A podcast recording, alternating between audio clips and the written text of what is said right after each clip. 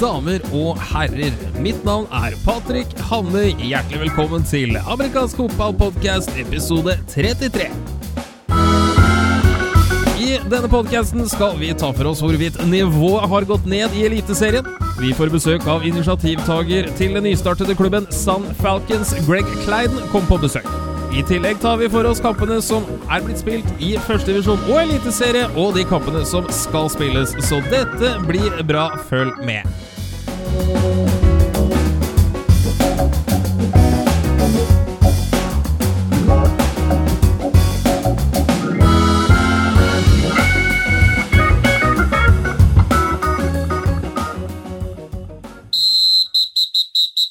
Velkommen her tilbake til amerikansk fotballpodkast. Mitt navn er Patrick Hamnøy. Med meg som alltid redaktør av fotball.com, Jarle Magnus Henriksen. Velkommen til deg.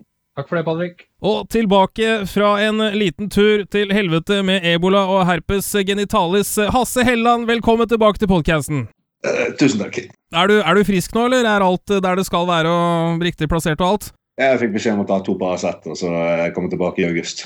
Ja, men så bra. Da satser vi ja. på at det, det holder seg, så, så, så, blir det bra på poden her framover. Vi, skal, vi skulle egentlig snakke om dette her forrige gang, men så endte jo du opp med å bli ja, indisponibel, så da tenker jeg vi, vi tar dette her nå. Vi har jo snakket litt i forbindelse med denne sesongen her. Vi har vært litt nysgjerrig om nivået har eller kom til å vise en, en nedgang, tatt i betraktning i hvert fall på elitenivå, at vi kommer til å gå fra to importer til å ha én import. Uh, jeg vet ikke om det var utgangspunktet til det du påsto, Hasse, men eh, du har fått for deg at eh, nivået har gått ned i årets eliteserie sett opp imot i fjor, og kanskje også årene før der igjen. Hvorfor det? Nei, det er jo fordi at uh, det er en enkel sak for det. Altså, Har du én uh, god spiller, så er det greit, men uh, det skaper ikke nødvendigvis et lag, liksom. Men har du to gode spillere, si du har en quarterback og en amerikansk receiver, da da har du plutselig eh, en helt annen eh, dimensjon av eh, forståelse. Og det, Du ser jo bare at de norske receiverne de holder ikke mål eh, mot det en amerikansk receiver kan. Og Holder mål, hva, hva, legger du i det begrepet? Altså, det er snakk om forståelse av spillet, ruteløping, altså fart. altså Alt mulig som er i spillet. en norsk receiver vil aldri kunne være der en amerikansk receiver er. Men har vi hatt så fryktelig mange amerikanske receivere i landet de siste årene? Egentlig? Har vel ikke de fleste henta inn en quarterback og, og kanskje en defensiv spiller? Jo, men poenget til Hasse står seg egentlig litt. For eh, det, det, handler om hvor har du disse importene hen? Eh, og altså, hvordan er det de styrker laget ditt? Det Hasse snakker om, er jo eh, den typiske som vi hadde i kjempegamle dager for ti år siden. hvor det var en QB receiver, og så var det ping-pong mellom de to. Ja. Eller i hvert fall fra Kubien. Eh, og så har vi, har vi sett eh, de senere årene at eh, ja, ok, vi hadde jo noen år hvor eh, det var litt mer importer og mulig å ha, og vi hadde lag som hadde det. Eh, og det var for så vidt heller ikke noe nytt. Det er gjort eh, før de siste årene, det òg. Og så var det jo sånn at noen lag har kommet litt lengre på denne løypa der, sånn at man ønsket da å begrense antall importer. Og det har man gradvis gjort. Sånn at det gikk ned til fire, og så gikk det ned til to, og nå er det nede i én. Det betyr også at uh, du må prioritere hvor du har dem. og Når det gikk ned til to, så var det helt åpenbart at uh, man ønsket å, å, styrke begge la lagdeler. sånn at de lagene som hadde to, hadde da typisk eh, en quarterback og en linebacker, sånn som du var inne på, Patrick. Mm. Og så skal vi ikke glemme da, at uh, vi hadde jo gjerne en QB som, som da kasta til en linebacker som spilte receiver. sånn at hvis du ser på f.eks. Eh, Oslo Vikings, så hadde de Mike Bergie, som var veldig god som linebacker, men også var inne og skåret i hvert fall tre touchdowns eh, som receiver i én kamp, husker jeg. Ja. Den eh, var smertefull å se på, men eh, hyggelig for dem. Eh, og så hadde du f.eks. det samme i fjor med, med Harry Peoples eh, hos Lurabull, som kasta til Lundell Gibson. Eller andre som kasta til Lundell Gibson fordi Harry Peoples ikke spilte Cuba likevel. Sånn at Eh, lagene har en tendens da, til å bruke de importene der hvor, eh, der hvor, de kan gjøre mest mulig skade for de andre motstanderne, og, og, sørge for at man vinner kampene. Og, og så er det store dilemmaet ok, skal de være her for å vinne kamper, eller skal de være her for å utvikle medspillerne og, og sporten? Uh, jeg tror de fleste sier ja takk, begge deler. Men hvis jeg oppfatter det du sier, eller sa litt tidligere, da, altså i forhold til dette med, med receiver, og det, det, blir jo veldig tydelig når en receiver f.eks. ikke gjør jobben sin, ved at det blir droppa en del pasninger. Er er det litt av det du har hengt opp i, sånn i forhold til nivået på, på Eliteserien i år?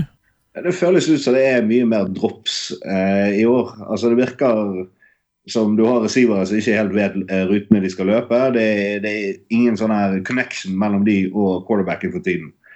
Eh, og det er egentlig over eh, hele Eliteserien. Eh, det virker som flere har glemt det der konseptet at som receiver så kommer du til å bli truffet uansett. Så da kan du like gjerne ta imot ballen.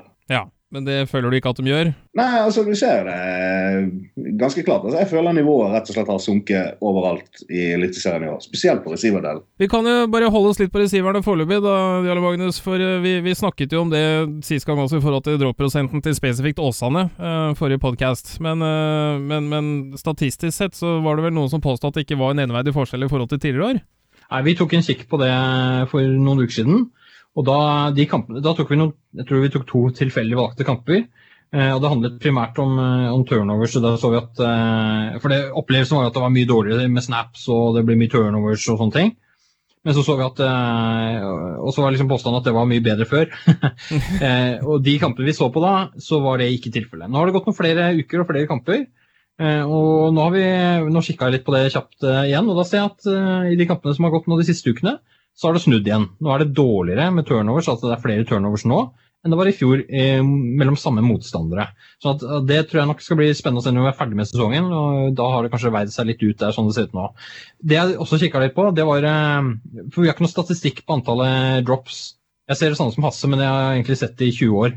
Ja. Sånn at eh, Jeg ser ikke forskjellen der. Eh, men jeg ser på statistikken på completion percentage hos quarterbackene. Det er det nærmeste vi kommer, tror jeg. Ja. Det er det nærmeste vi har av statistikk. Eh, og der ser vi egentlig at eh, den er eh, Den var lavere i fjor enn den er i år. Nå tok jeg fi, eh, ja, tok egentlig da eh, seks kamper. Tre fra i fjor og tre fra i år. Jeg tok eh, kjapt og, og sjekka de forskjellige. Vikings mot Eidsvoll f.eks. fra i fjor og i år. og så tok jeg Trolls mot Eidsvoll og Lura mot Vikings. Uh, og det, det, Jevnt over så er det ikke sykt store forskjeller, men det er litt bedre prosent eh, completion eh, hvis du ser liksom totalen på det. Mm. Det er klart Når, når Eivind Brekke kaster uh, han kaster to pasninger i løpet av en kamp, så skal det ikke mye til for det er liksom 50 Nei. Men, men det, på den annen side, det er faktisk akkurat der så ser det ikke så dårlig ut. La meg si det sånn, han kasta f.eks. i fjor da, så kasta han eh, mot eh, Trolls så kasta han eh, ni pasninger og hadde 22% completions. Ja. I år så kasta han 21 pasninger, det er en stor forskjell for øvrig. Og 33% completions. Ja. Hvis vi ser totalen av alt dette her, så ser vi at, at det, er, det, går noe opp i prosent completions. Hva betyr det? At receiverne tar imot mer? Det må jo på et eller annet vis bety det. Men så er det en annen faktor her. Det er at quarterbackene kan ha blitt presise, eller de kan ha blitt spilt bedre for sånn at uh, taktikken er lagt om til å, å, gi dem bedre muligheter. Bedre muligheter som i flere muligheter? Nei, som i uh, jeg liker ofte å bruke begrepet lange handoffs. Altså, la oss si at du f.eks. ruller en quarterback ut og kaster eh, og så går tightenden Patrick, dette kjenner du igjen. Ja, ja, ja. Han løper fem og ut, og, og kuben ruller ut. Og så er det fem yards mellom når han kaster det. ikke sant? Det er en mye større sjanse for at han eh, får en completion på det, når han kaster en, en, eh, en cornerrute eh, 20 yards nedover banen. Så Det handler litt om hvilke ruter man velger. og Det er ikke sikkert det ene er bedre enn det andre hele tiden, men hvis man har kombinasjoner da, som setter de spillerne i gode posisjoner eh, i større grad enn det man kanskje gjorde før, så vil jo også completion prosent eh, kunne gå opp. For øvrig fantastisk å ha QB som kan rulle høyre og venstre når han er litt smånervøs i utgangspunktet, uten at jeg egentlig trenger å si så veldig mye mer om det. Men det var for så vidt receiverne, Hasse. Du hadde jo også noen, eh, noen meninger om, om linjespillet, og du er jo gammel linjespiller selv, så akkurat innafor dette emnet så har jo du litt eh, pondus, pun intended. jo, altså det Har D-line i Norge blitt bedre? Eller uh, har O-line blitt verre? Ja. Jeg, liker, jeg liker å tro at uh, D-line ikke har blitt så vanvittig god at uh, quarterbacker ryker uh, høyre og venstre nå plutselig. Um, det, enten må det være et generasjonsskifte som har skjedd på O-line jevnt over hele serien, eller så må det være at teknikken bare har blitt vanvittig dårlig.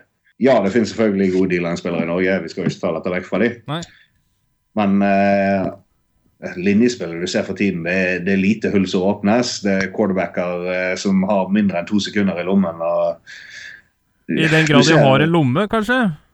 Ja. ja. Altså, Kall, kall den lille sigarettlommen på eh, joggebuksen, liksom. Det, det, det, er ingen eh, femsekunders eh, lommer lenger i den norske ligaen. Kanskje Vikings, men det er unntaket. Men, men hva, hva, hva, tror du dette kommer av? da? Jeg kan si sånn, Mitt, mitt inntrykk sånn umiddelbart er uh, Altså, Er det et sted vi kanskje ikke har flust av coacher, så er det jo kanskje nettopp på, på O-line. Tror du det har noe å si, eller har du noen andre eventuelle forklaringer der? Av erfaring så eh, kan jeg alltid huske at linjespillere blir ofte litt latt være for seg sjøl. Eh, teknikk er veldig lite fokus på. Eh, og det er mer det OK, greit, han her er stor, han kan sikkert stå på linjen. Ja. Eh, og det, det, er et konsept som går igjen i mange klubber. At du hiver inn en stor fyr. Han har egentlig ikke helt peiling på hva han skal gjøre. Du har ikke lært han noe teknikk. Og sånn fortsetter det på trening. At du har gjerne to trenere som fokuserer på da quarterbacker, receivere, running backs eh, og defense. Mm. Men linje går for lut og kaldt på han. Jeg tenker der er litt eh, blanda drops. Det er, eh, akkurat det er jo noe man har observert for lenge siden og skjønt at, eh, og erkjent at uh, her må vi gjøre et eller annet. Og så er det en del lag som faktisk har gjort det. Men vi ser ikke helt resultatene av det. og Jeg er tilbøyelig til å være enig med Hasse at opplevelsen i hvert fall er at uh, linjespillet, og da snakker vi offensivt linjespill primært, ser ut til å være noen hakk ned sånn generelt sett. Vi snakker ikke for hver enkelt spiller, vi snakker ikke for absolutt alle linjene. Nei. Uh, men det er opplevelsen, da. Og så kan vi også stille et annet spørsmål. for du er liksom, ja, hva, hva, hva kan dette skyldes? Kan det tenkes at eh, flere lag er flinkere til å bruke tid på filmanalyse. Eh, og det er lettere å bryte ned noe enn å bygge opp noe. Altså, det er lettere å finne veier til å ødelegge et eh, offens enn det er til å bygge opp et offens. Mm. Kan ligge noe der, kanskje. Jeg vet ikke, men det, det er litt sånn eh, Ja. Hvis, jeg legger i hvert fall merke til at flere lag eh, er flinkere til å bruke filmanalyse. Jeg, det, jeg kan ikke si det helt sikkert på Eliteserien, for det syns jeg det har vært ganske habilt lenge. Eh, men når vi ser nedover i divisjonen nå, så, så, ser jeg at det begynner å ta seg opp ganske kraftig. Men om vi da skal forsøke oss på en uh, såkalt uh, oppsummering av denne veldig veldig begrensa diskusjonen vi hadde nå, har nivået i Eliteserien blitt dårligere nå i 2017, Hasse Helland? Ja eller nei? Min opplevelse av det er at han absolutt har det. Du kan se på de forrige årene om det har noe med importspillere å gjøre eller ikke. Det vil jo alltid være up for discussion, men uh, helt klart min mening at uh, Eliteserien er mye dårligere enn det han var før. Jarle Magnus Henriksen, hva mener du? Jeg mener nok også at, eh, at nivået har gått gradvis nedover fra, fra noen år tilbake, par-tre år tilbake. Med enkelt unntak, som f.eks. Oslo Vikings akkurat nå. Men generelt sett så er jeg enig i det. Og med det så håper vi at uh, dere som hører på, har uh, noen andre meninger å, å, tilføye denne debatten. Ta den gjerne hos oss på amfotball.com eller på vår Facebook-side Amerikanske fotball.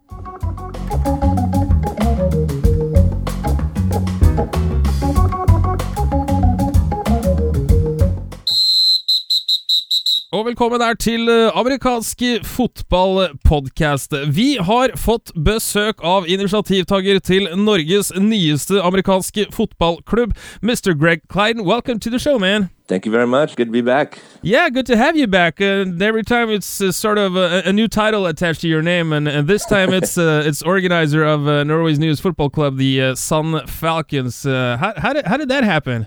Uh, you know, what the biggest thing, the way this thing all came together is actually uh, Idrettsråd and their initiative with uh, San Idrettslag to make an American football team in Unsakir. The, you know, the the commune here has been has been growing fast. It's uh, one of the fastest growing communes in Norway, and this is a sports community. Uh, yes, I'm here as you know they're known for having a really good soccer club. They're known for having good track and field and just a lot of kids in activity. And the main thing for them is to be like, hey, what can we do to you know extend our our sports uh, initiative for the people that live here? And American football for them was something that they thought was uh, the next step in uh, help building this community and giving activity to kids who usually just fall out of it. So they just talked a lot with each other, and uh, you know they got a good idea with it. And then you know they contacted Rebecca and myself, and we're like, "Hey, we'd like you guys to be able to to help us get this thing going." And um, yeah, it was a tough decision, but uh, you know in the end, it was something that we uh, we felt for. But you, you you do realize, I mean, if anyone, you would know the amount of work uh, in, involved in getting something like this up and running from absolute scratch. Um, why? yeah, that's uh, that's the biggest question. You know, it's um, you know, right uh, in the beginning of the of this year in January and February, you know, it was kind of like, uh, all right, we're we're we're stopping stopping to do football. You know, I was in contact with a few other teams here in Norway who were, you know, who were interested in having me come and help out, which uh, I was really honored to talk with them. And they have really good initiatives that they're trying to trying to put together and grow this game in Norway. And it was something that I really felt strong to to help join and be a part of because I really liked where they were going. And mm. then you know, Vivek and I just talked a little bit more about it, and we're like, okay, hey, what can we do? You know, this is if we're going to do football, let's think long term. You know, what can we really do that um, sets a standard and something that we can still see ourselves doing 30 years from now? You know, we were like, okay, well, if this is something that we really want to put together and invest our, our time and energy and give back, you know, why, why don't we do it here? And like I said, you know, the commune here, the Idrettsråd and, and San Yel, they were just really supportive of us. And they were like, hey, we really want this to happen here. We believe in what you two can do. And, you know, we want to give you that opportunity here. And they're like, here you go. It's yours. Take it, do what you want with it and, uh, make it happen. And so that was something that, um, you know, when I went back and forth about what I can help the other teams with or what this team was willing to invest in us, we were like, hey, you know, they believe in us. So, time to believe in ourselves and make it happen. Was there ever uh, taken into consideration the, the, the fact that at least when when you look at the map, uh, Sun is located in uh, close to Jessheim, uh, yeah. which is uh, you know not that far from neither Eidsvoll or uh, Lillestrøm, uh, which both have uh, football football clubs going. Do, do you think that uh, that is an issue? Is there a number of players enough in order to all clubs can thrive together? You think? I feel that there's enough for for everybody to still continue and thrive, and I think it comes down to you know each club making sure that they do you know, they focus on the sport aspect of it. And, you know, Eidsvoll's a, a, it's a huge growing community too. They're getting a lot of new, um, new families and kids in there. And same with Lillestrøm. That place is obviously constantly growing. It's bigger than both Jessheim and, uh, Eidsvoll combined, I would imagine. So, mm. uh, you know, I think that there's uh, absolutely enough kids and families to make this thing grow. And, you know, from our standpoint, we just feel, hey, the more teams there are, the better it's going to help everybody because you know that just it brings more more games, it brings more players involved, and it shows that it's a, it's a bigger sport. You know, it's yeah. uh it gives more validity to what uh what football Norway is doing. So um, you know, you got to think about it in soccer too. There's probably about 10 soccer teams in each commune and the, it's all the same kids so it, you know there is no competition in that sense in the way that uh, the way that I see it so it's um, you know those other teams are, are you know they they all survive too. So it's um, you know, I think there's enough kids everywhere to go around in every community, and it's a matter about what you present uh, from the sports side of things that, that make it successful or not. You're right. You, you do make some some good points, and uh, in all honesty, it would be nice to have some away games within driving distance from time to time as well. So uh, yeah. so yeah, I, I agreed on that. I'm, I'm curious about the name the the Falcons. Where, where did yeah. that come from? You know, well, we wanted to make sure that we were able to tie into things that are around around us here, and uh, the Norwegian Air Force is something that's really uh, it's big here, by, right by Gardermoen here. And when we think about it in uh, the states, you know, the Falcon is uh, is a nickname for the, the Air Force in America, and on the the image for the Norwegian uh, air defense is also a Falcon. So we felt that it was a it was a good thing to be able to combine those uh, those two, and you know, the whole thing about having a bird as a as a as a mascot. Uh, the whole thing with us is like our motto is spread your wings, and we wanted to take um, take that idea, that image, and under, and give it to these kids to understand that you know, with us, you have a place to to grow. You can come as you are, who you are as a person, and uh, and spread your wings and grow and develop not only as a as an athlete, but as a as a person, as a student, as a son or a daughter.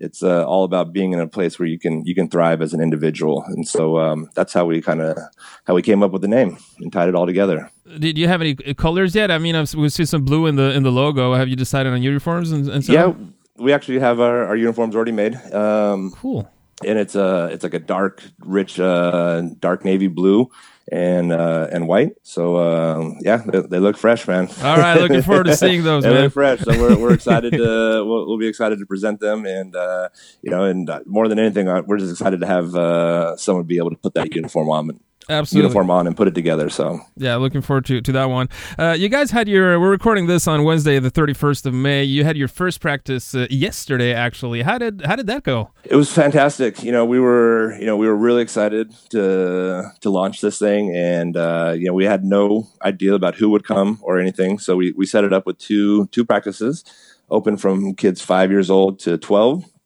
for the first practice, uh, all teaching flag football and just basic, uh, you know, basic understanding of the game. And um, after that, we had a, a practice from uh, from kids 13 years old and up, you know, with no no uh, border about how old they can be. And for the first practice for the kids, we ended up getting 17 kids between ages five and 11, which was uh, awesome. You know, we like like again, we had no idea who would come and who wouldn't, and uh, to have 17 kids at that age group was just phenomenal. And uh, in the second practice, we had uh, 19 kids between the ages 13 and 18. So it was a great target group. So we're super excited about uh, those kids who uh, showed up. So you know, th- 36 kids yesterday had activity that otherwise would be at home. Yeah, and for exactly. Us, that's that for us. That was something that we felt really proud about. That we were able to to get that many kids actually running around active. You know, they were all 100% beginners. They'd never seen a football before, uh, didn't know anything about any positions. And for us, that was exactly what we were hoping for to have 100% clean, fresh, new players who just wanted to give this uh, this sport a try. So.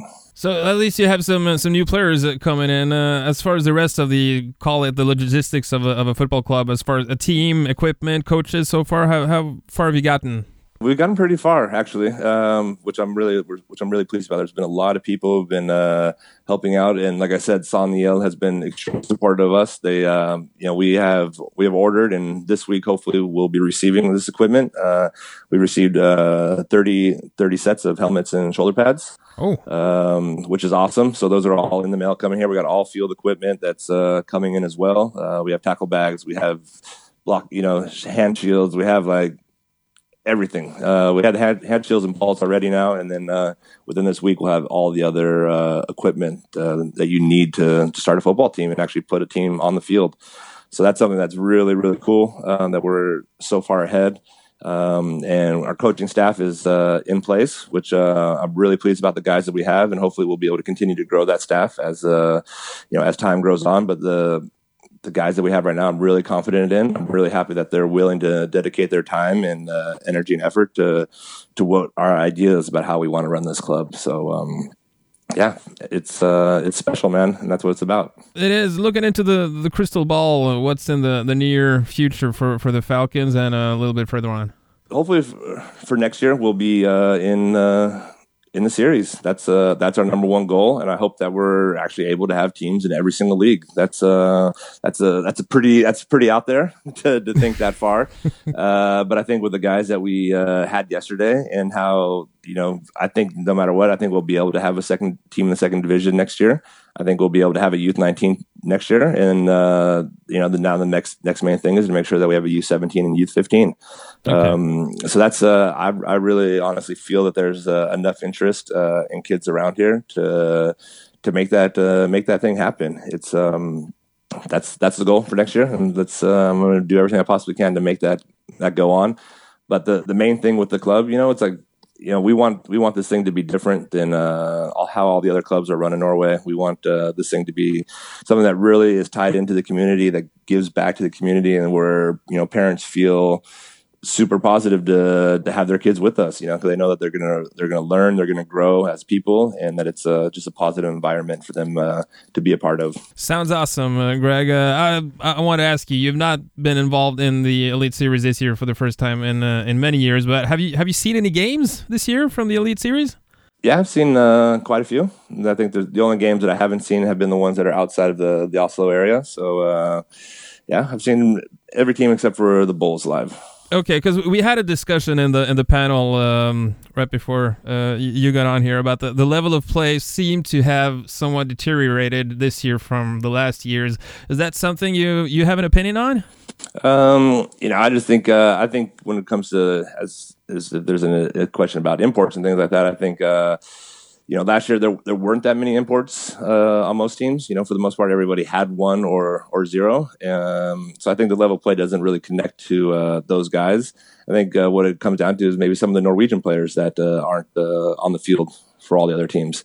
Okay. Um, but I think uh, you know the level play is just a little bit different this year than it has been in the past, and I think you know it could also be with some different people that were going to school here in Norway that that joined certain teams and that um, they're no longer with them. So but yeah, I don't know if you, it can tie it, if it, you can tie it into actual the import rule because yeah, I think going down to one import is the the best decision Norway Norway has made um, because it, it just you know for the longevity of the of the league and what you know trying to grow the game as as it should be grown. I think that's a that's the positive step. Um, but connecting it together, I don't think that's the um, I don't think that's the reason why it uh, maybe isn't as strong as it as it has been. Well, awesome to get your input on on that because uh, again, probably a discussion we will never land. But I want to wish you the best of luck with the new uh, club venture, with uh, everything happening. Another member of the football family Norway. Thanks for your time coming out to the podcast, and uh, yeah, yep. we'll see you down the road, man. Great, thanks so much. Appreciate it.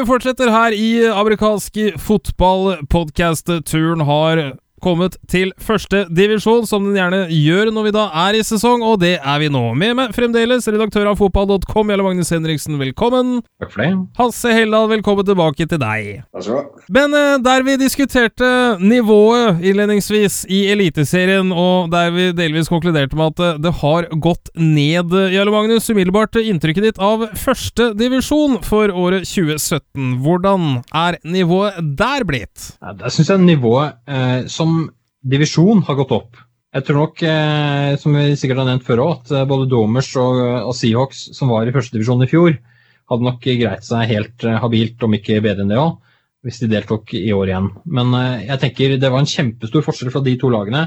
Videre til Olavs menn, og så ned til Haugesund og, og Drammen i fjor. At det var en hermetegn fæl divisjon, da, for det, mm. det ble for ujevnt. Ja. Eh, det ser vi ikke i år. Vi ser lag som stort sett holder det jevnt. Eh, og så er det klart Når vi sier det, så er det sikkert noen som taper 60-0 neste gang. Men det har sett ganske bra ut. De fleste lagene er med underveis, selv om de kanskje taper med et par-tre touchdowns på slutten av kampen. Som du sier, til dels uh, jevne, og jevnt, i hvert fall for min del, tilsvarer det da underholdende. Men der veit jeg også at Hasse Helland eh, ikke er like enig med meg, og i særdeleshet når vi skal da ta for oss den første kampen som eh, vi skal nevne som har blitt spilt sin forrige podkast i første divisjon, nemlig Kristiansand Gladiators mot Kolbotn Hunters. Kampen ble spilt 21. mai. Kristiansand Gladiators vant den kampen 30-6. Vi spådde for øvrig 27-6, og det var ganske nærme. Men den kampen syns ikke du var så veldig veldig underholdende, Hans Eiland. Uff. Nei, det var han ikke. Helt ærlig, jeg sovnet underveis. Det Hæ? skal være helt ærlig. Ja. Åssen går det an? Eh, så, ja, så litt underholdende. Altså, ja, greit. Eh, Gladiators hadde knuskontroll på hele kampen. Uh, Hunters gikk til ingenting. Uh, de hadde jo uh, den ene driven, tror jeg, som de fikk noen yards på, da. Men bortsett fra det, så var det ja, dårlig, altså. Uh, det er så, liksom jeg biter meg fast igjen. Det var jo at ingen av disse pasningene så ut til å treffe noen. da. Uh, det var jo liksom et gjennomgående tema. Og pasninger fra, fra, hvilken side? Begge sider, eller fra Hunters sin del? Eller Gladiators? Fra, tenker du da? Fra begge sider. Begge sider. Hunters er jo et løp, eh, kort lag, eh, så det er jo ikke så mye pasninger på den siden. Det er det ikke, men det hender at de prøver seg. Men så vidt jeg syns å huske hvordan kampen fremskred, Jarle Magnus, du får hjelpe meg litt her, så var den jo ganske jevn innledningsvis. Og det var ingen som på en måte fikk noen hyll på, hyll på bullen, hull på billen. Eh, Nei, det, det, løsner, ja. det, sto, det, var som en normal jeg håper si, startkamp. 5-0. Uh, start mot Brann eller noe sånt, dette er kanskje. Eh, til pause. Eh, sånn at, at, For oss så det jevnt ut når vi fikk resultatet underveis. for Vi sitter jo og følger med selv om vi ikke alltid er til stede. Så pleier vi å få scoren underveis. Og da tenkte jeg jøss, dette er jo spennende. Her kan jo faktisk Hunter gjøre en kjempebombe. Mm. det jeg ikke gjorde da, jeg, jeg, var ikke på banen eller på stadion og, og kikket på hvordan dette så ut. Jeg syns kanskje det mest fascinerende med den kampen er jo er jo på en måte intervjuet med Gøran Thomassen, hovedtrener hos eh, Kristiansand Gladiators etterkant. Eh, for jeg tror neppe du har sett, sett, en så bedrøvet coach som har vunnet 36 noen gang.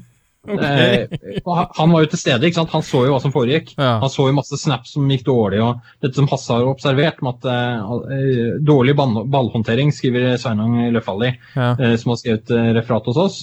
og det er jo det han opplevde, ikke sant? At, at de gjør masse feil. Uh, og Allikevel så vinner de ganske klart. Uh, sånn at Hasse er nok ikke langt fra sannheten om at uh, Jeg vet ikke om jeg hadde sovnet på bakgrunn av at, at folk driver på med masse tullete snaps. Men det er klart det blir jo frustrerende å se på hvis man, vet hvordan fotball helst bør se ut. Men Hasse, hvis det da var en sånn tilsvarende, eller hva skal vi si, like dårlig kamp på, på begge sider av ballen, hvorfor har det, sånn, har det seg at Gladiators klarer å skåre 30 poeng, mens Hunters bare klarer å putte 6? Hvor, hvor er forskjellen her? Hva skal jeg si, da? Ut ifra det så, altså Jeg elsker jo å se Gladiators for én grunn, og det er pga. Levan. Ja. Men den linjen han hadde i den kampen der, så uh, var jo det litt grann, eh, som å se en uh, klassisk bil kjøre offroad. Og det ødelegger jo alt. Det ødela kampen for meg at uh, han, han Han må jo dra med seg fire stykker på ryggen her og få to yards, liksom, for resten av linjen står og ser på. Ja. Jeg må, jeg må innrømme en ting, Hasse, at Når jeg tenker på en klassisk bil, så tenker jeg kanskje på Lorenzo Proctor. Mens når jeg tenker offroad, så tenker jeg faktisk akkurat Levan. da, Det må jeg innrømme. Det er litt sånn ja, ja. mer tanksaktig. Men ja. bildet ditt er jo likevel ganske greit at det er noe her som ikke helt uh, sitter som lag. Nei, men Før eller senere så bare, bare, plutselig så stemmer det for Gladiators på et eller annet tidspunkt. Sant? Plutselig er det en pasning som går inn, og plutselig er det et løp som går inn. liksom, sant? Og det har ikke Hunters akkurat i denne kampen. her. Uh, og det er grunnen til at jeg uh, å vinner. Ellers var det jevnt, men det var jo vanvittig mye fumbles og misnaps fra begge lag. Så alt i alt oppsummert så var det da en jevn kamp, men der marginene gikk i stor grad fordel hjemmelaget. Er det sånn korrekt oppsummert? Ja. Da sier vi at det var det vi tar om den kampen. Vi beveger oss litt videre til den andre kampen som har blitt spilt siden forrige podkast, nemlig Haugesund Hurricanes, som tok imot igjen nevnte Kristiansand Gladiators.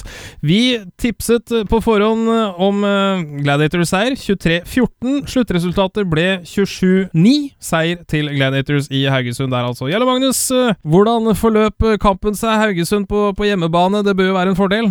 Bør være en fordel, men uh, de har slitt med å få ting til å fungere i hele år. Uh, som et, et, lag, spesielt et angrep, hvor pasningsspillet ja, Presisjon der er kanskje ikke all verdens. og Kristiansand er simpelthen et bedre lag. Sånn at det kom fram ganske ty tydelig og tidlig. Og, og, de skårte også ganske tidlig òg, med jeg feil. Sånn at det var vel aldri tvil om hvor den seieren skulle havne.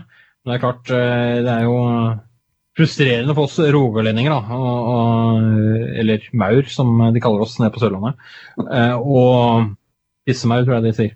Eh, og, og se liksom at, eh, at, potensialet er der, men det er liksom, det er, dette er liksom før man finner oljen. får liksom ikke pengene inn. Det er ikke så mye sildefiske som funker og sånn.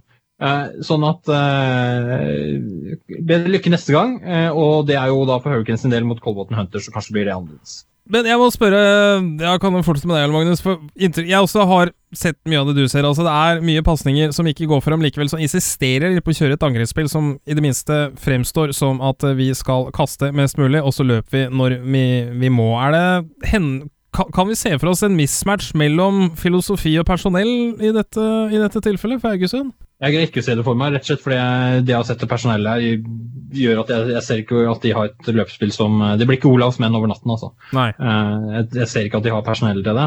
Så jeg tror nok eh, de har funnet veien å gå, men de, de er et godt stykke fra å gå den eh, riktig.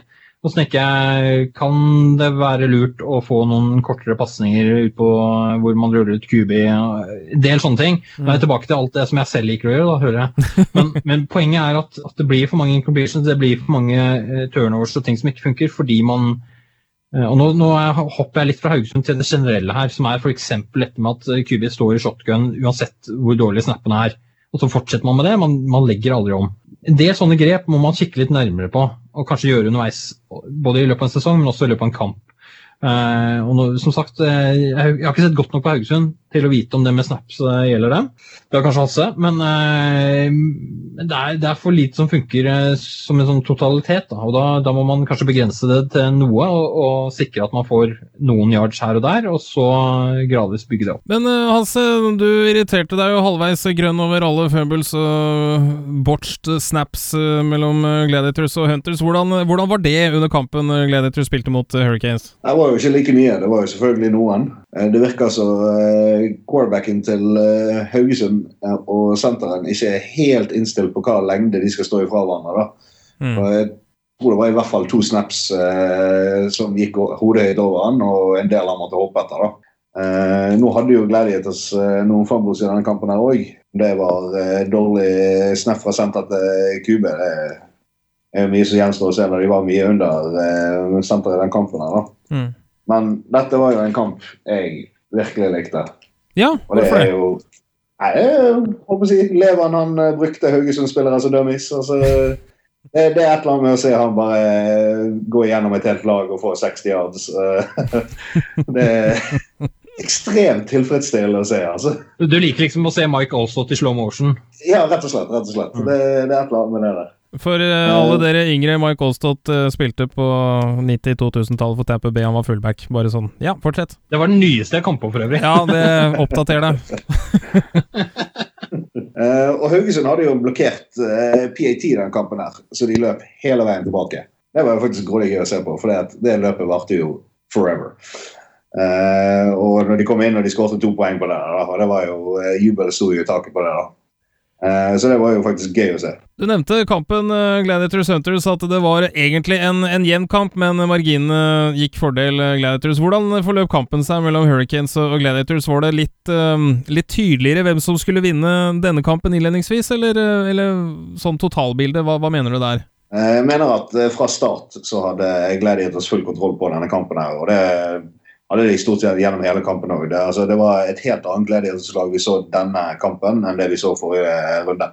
Eh, Det er helt klart at det har vært eh, en liten samtale mellom coach og spillere. virker det som. Vi skal eh, bevege oss til de kampene som skal spilles. Nå har vi oppsummert de som har vært spilt. Vi skal videre til de neste seriekampene som skal avvikles i førstedivisjon inntil neste podkast går på lufta.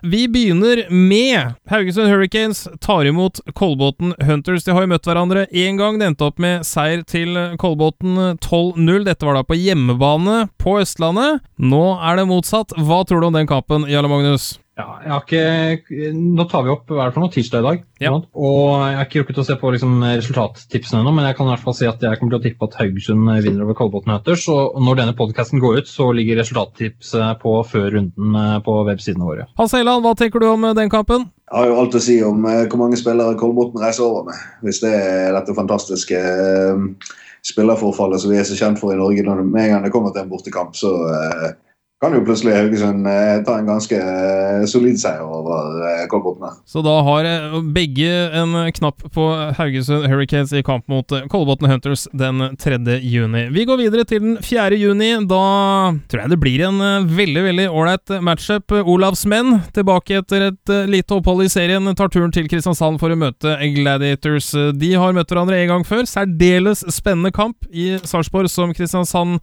stakk av med seieren på.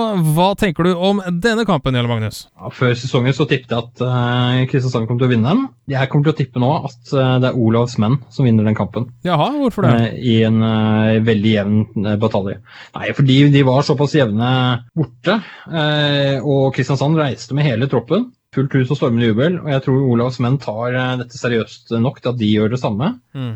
Marginene kan potensielt gå litt andre veien, så gå litt vekk fra veikartet mitt eh, fra før sesongen og så si at det er Olavs menn som kommer til å vippe Kristiansand av, av pinnen. Og nå vet jeg at eh, Gøran Thomassen og Kai Daniel Tobiassen og kompani har noe å virkelig bruke som eh, lockroom material her de nærmeste par dagene. Hasse Helland, hva tenker du om den matchupen? Eh, hvis eh, Gladiators-treneren hører på, gi ball til Levan. Å!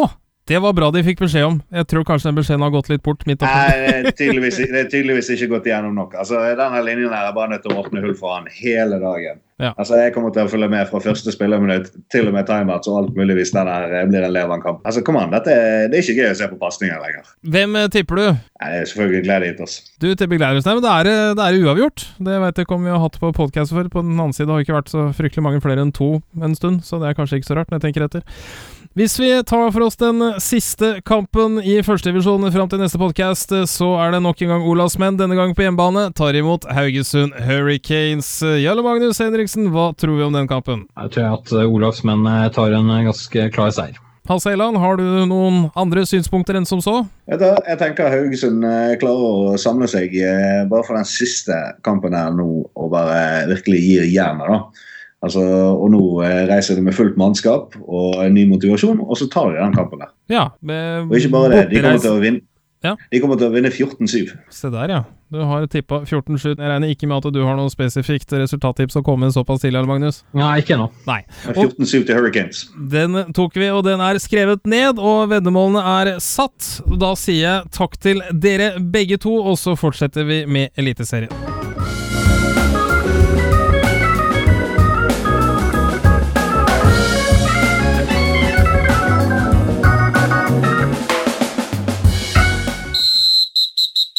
Og her i amerikansk fotballpodkast har turen kommet til Eliteserien. Med meg fremdeles redaktør av fotball.com, Jarle Magnus Henriksen, velkommen. Takk for det. Bidragsyter Hasse Helland, velkommen til deg. Takk skal du ha. Bare hyggelig. Vi eh, skal ta for oss de kampene som er blitt spilt i eh, Eliteserien fra forrige gang vi hadde podkasten ute. Første kampet vi skal snakke om, det er eh, Eidsvoll 1814 som tok imot Vålerenga Trolls på Bøen stadion. En kamp 1814s vant 34-7. Vi hadde forhåndstipset 28. Hva er totalinntrykket av den kampen, Hasse Helland? Nei, det var jo eh, helt klart at Eidsvoll kom til å vinne den kampen. her da. Selv om Trolls eh, prøvde å bite fra seg underveis. Kan jo nevne Eidsvoll eh, running game den eh, kampen her. da. Det var jo enhver trener sin våte drøm. Det var som å skjære gjennom smør til tider. Det, det, var vakkert å se på. Er, er det fordi smøret var mykt, eller fordi kniven var skarp? Nei, Skarp kniv og mykt smør. Ok. Jarle Magnus Henriksen, totalinntrykket ditt av eh, kampen eh, som ble spilt? Nei, Det begynte jo noe helt forferdelig for uh, Troll sin del. Uh, de lå under med 20-0 eh, etter uh, et, en per- periode. Da, klart, da, da er jo mange flinke i matte. Så tenker 20-0, 40-0, 60, 80-0. Mm. Uh, oi. Og så endret det seg heldigvis eh, både for Kampen del og for Trolls sin del. Eh, men, men det var jo nettopp det at Eidsvoll fikk vist en del av det de kan. Eh, som Hasse var inne på, så er det mye løpsspillet som fungerer der. Det er likevel ikke eh, De har ikke et trehodet eh, troll eh, slik de hadde i fjor. Det er eh, to personer der nå som virkelig utgjør en fare. og Det er Arne August eh, Skovseth Søgaard og så er det Michael Hall, eh, som eh, ser ikke så rask ut, men er tydeligvis rask nok til å løpe fra Trolls. da. Ja. Eh, Jeg er nok, jeg er nok eh, litt usikker på om Trolls er så mykt eh, smør, altså. De, de hadde en del uheldige situasjoner i den kampen her. Eh, Men totalt sett så vil jeg si at eh, Eidsvoll viser eh, gode kvaliteter i sitt angrepsspill framfor noe annet. Og ikke minst taktisk med måten de kjører med en ubalansert linje. Man kan egentlig skaute seg fram til å Eller bør kunne skaute seg fram til å kunne stoppe det. Men så skal det også gjøres i praksis, og da er det noen spillere som må på banen og, og gjøre jobben. og der, eh, der er det vanskelig av og til å, å stoppe dem. Sier jeg av og til, for at, eh, vi vet jo hva som skjedde med dem uka etterpå. Så vi får se. Men offensivt til tross, Halse, det var vel ikke akkurat den, den beste dagen på, på jobben for, for deres del? Det tok jo lang tid før de klarte å, å skape noe. Har du noen, eh, noen synspunkter på akkurat det? Ja, det var jo eh, først eh, rundt andre omgang at de, eh, de begynte å komme litt. Grann, at det, var, eh, det er jo det passing gamet som vi har nevnt tidligere. Det er Trolls styrke. Mm. Og eh, plutselig så begynte ting å sitte litt, grann, men det sitter liksom ikke hele veien inn. Og det er der Trolls kanskje sliter litt med, og det er å avslutte. Nei, det er liksom to bra pasninger, og så er det én dump. Ja. Som gjerne blir plukka bort. Ja, det er det du tenker på da. Ja, ja. Jarle Magnus, eh, er du for så vidt litt, litt, litt enig i den? Ja, litt blanda drops der. fordi eh, Det som skjedde, var jo at de starta med Johannes, Johannes Moe, som har fått mye tillit i, i Trolls etter at han viste svært gode takter når han kom inn mot eh, Åsane Seahawks på hjemmekampen Trolls eh, hadde. Og så har han gjort ting ganske bra underveis, hvis du ser vekk fra liksom eh, 600 interceptions. Men han har skapt yards og sånne ting. Han ble skada et stykke ut i kampen, og da er vi fremdeles i første halvdel av kampen kom eh, Max Emanuelsson inn. Han har jo eh, vi sett både i begynnelsen av året og ikke minst i fjor. Eh, Og han starta ganske bra. For den første driven så endte det jo faktisk opp med en touchdown. Han, han pitcha ballen på en speed option til William Østgaard, en av spillerne som har kommet over fra Drammen. Og Max fortsatte egentlig med gode tendenser. Han føyk rundt og kasta ballen og fikk laget til å bevege seg. Men så eh, var, vel en som heter Hasse Helland som for veldig kort tid siden nevnte at uh, Trolls eh, ser ut til å ha problemer med å fullføre. Mm. Uh, og det ble jo litt sånn etter hvert, da. Altså det, det gikk litt i stå. Uh, og Max gjorde mye bra den dagen, men han endte med en eh, completion prosent, eh, prosent som er på rett under 50, 45. Eh, og så er det dessverre ikke noe touchdowns der, men det er tre interceptions. Men greit, skapte jo en del. jeg tror nok det største problemet til Trolls i den kampen her var nok kanskje ikke pasningsspillet, men løpespillet hvor de, hvor de virkelig sleit med å få yards. Og turnover, selvfølgelig. Men inntrykket mitt eh, altså Nå hørte jeg at du, du skrøt veldig av, av løpespillet til, eh, til Eidsvoll, Hass, og det har du for så vidt rett i. Er, de er jo dyktige på det der, men jeg har jo fremdeles ikke klart å slippe denne at det, i hvert fall innledningsvis første to-tre skåringene på begge sider, så var det jo alltid ett stort spill som gjorde at det løsna, enten at det ble skåring eller lavtlønnsscoring, fordi folk misser på taklinger. Er det da egentlig, som du sier, kniven som er skarp, eller er det smøret som er mykt? Nei, altså Hvis kniven og eh, smøret er skarpt Nei, jeg har ikke noe å gjøre på det. smøret, er jævlig skarpt. Nei, det, det, er jo eh, altså Har du en god running back, så vil du selvfølgelig få eh, folk til å miste en takling. sant? Og da kan du gjerne skylde på at ja, nei, folk takler dårlig. Men altså, la oss gi ære til der det hører hjemme. og det Eidsvoll har en jævla god running back.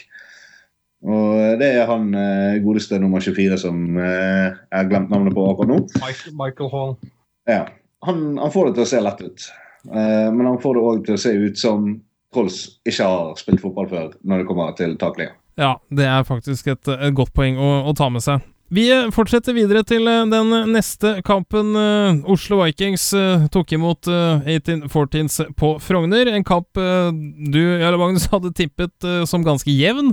Resultatet mente du skulle bli 19-14 til Vikings. Hvorfor det ble 19 ikke 18, kan du vel forklare sjøl?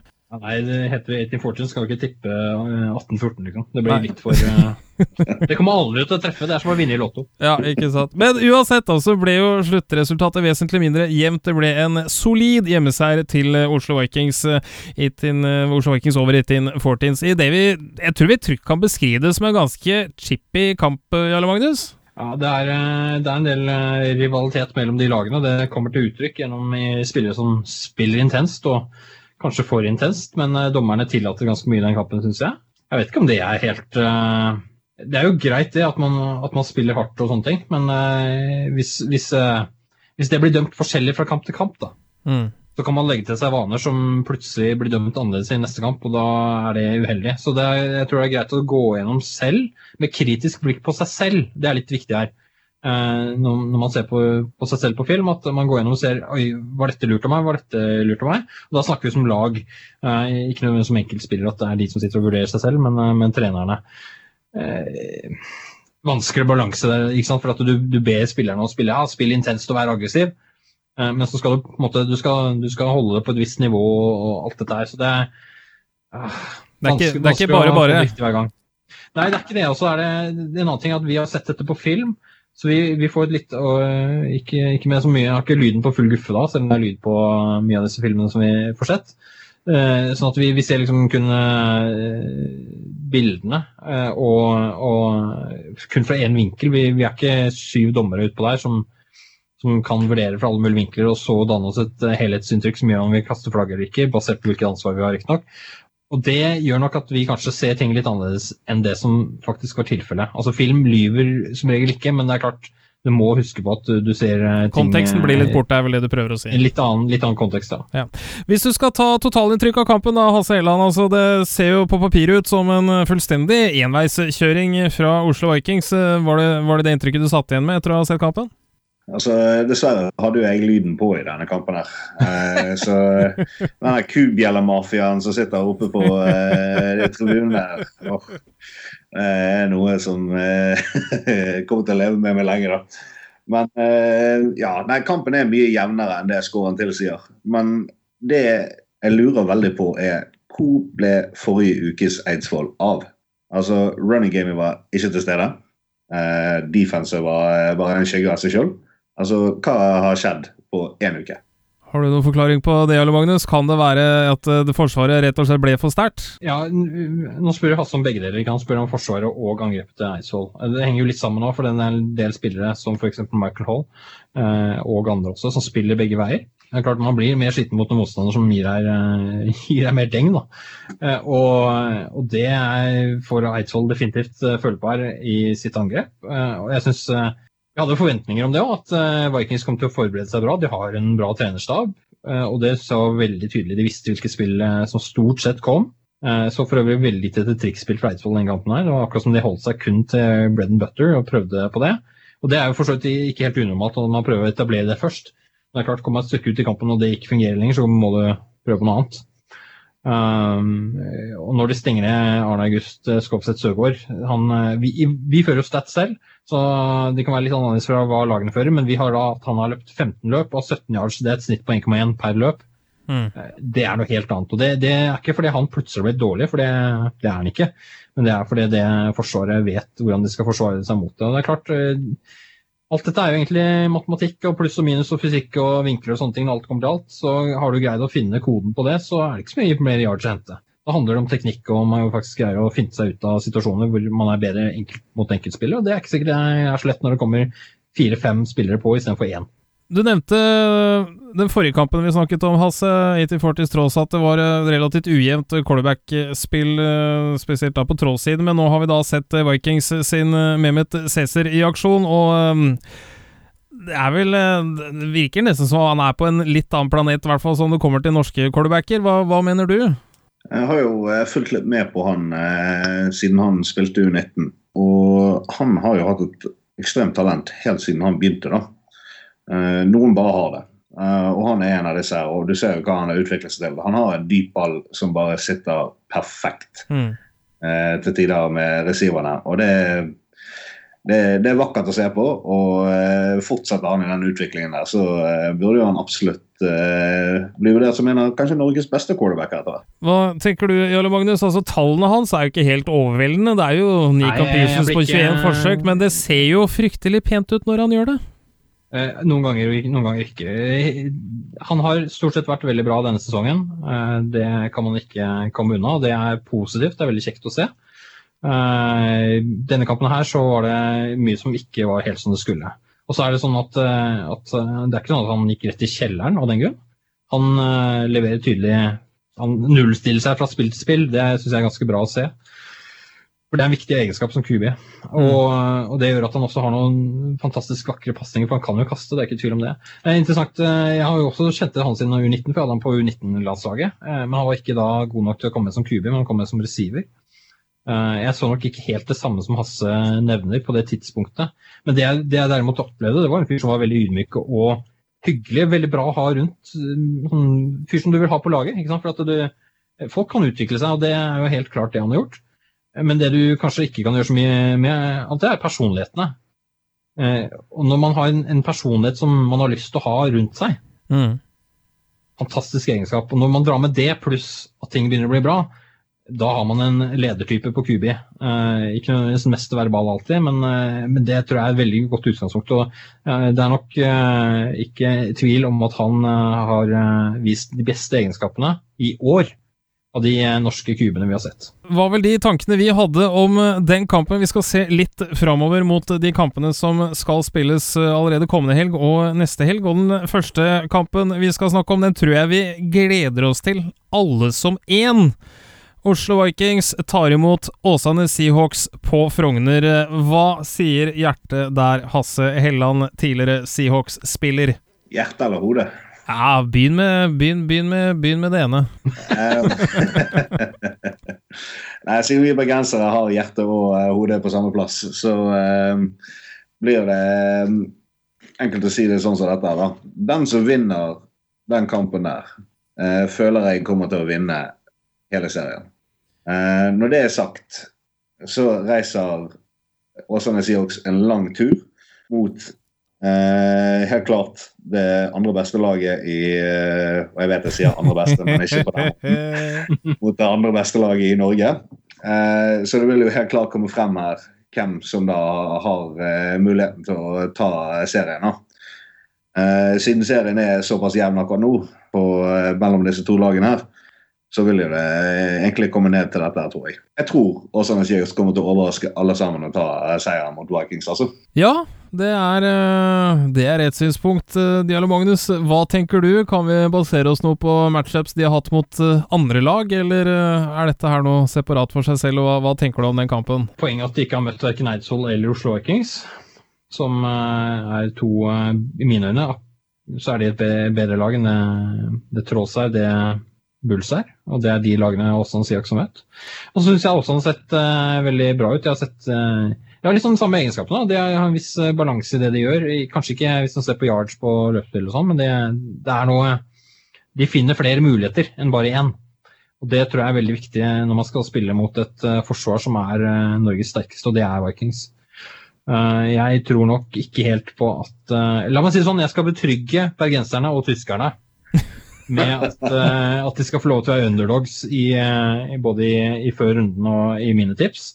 Jeg tror nok det blir Oslo Vikings som vinner. Jeg har ikke satt noe score på den kampen heller ennå, men uh, ja. Når dette publiseres, så ligger det ute på nettsidene våre, det også. Eh, bare spør avslutningsvis angående den kampen. Seahawks har jo nå hatt en, en week og har fått eh, ekstra tid på å forberede seg på Vikings. Tror du ikke det teller for noe, det? Jeg tror det teller i veldig mange tilfeller, og det har jeg stort sett messet om hele sesongen, og i fjor for så vidt, eh, om at det har stor betydning. Men jeg tror ikke dermed at det er sagt at hvert eneste lag vinner hver gang som en følge av det. Eh, da hadde det vært fryktelig lett å tippe resultater på forhånd. Fordi det er mange bioweeks i Norge som er ujevne eh, i forhold til hvem som har bioweeks i Norge. Som for øvrig er en uting, men det er litt sånn vanskelig å komme seg vekk fra alltid. Ja. Så jeg tror det at Vikings har en såpass stor stab gjør at de er godt rustet mot det. Nå vet jeg at Seox Seahawks har jo også hjelp på disse bitene her.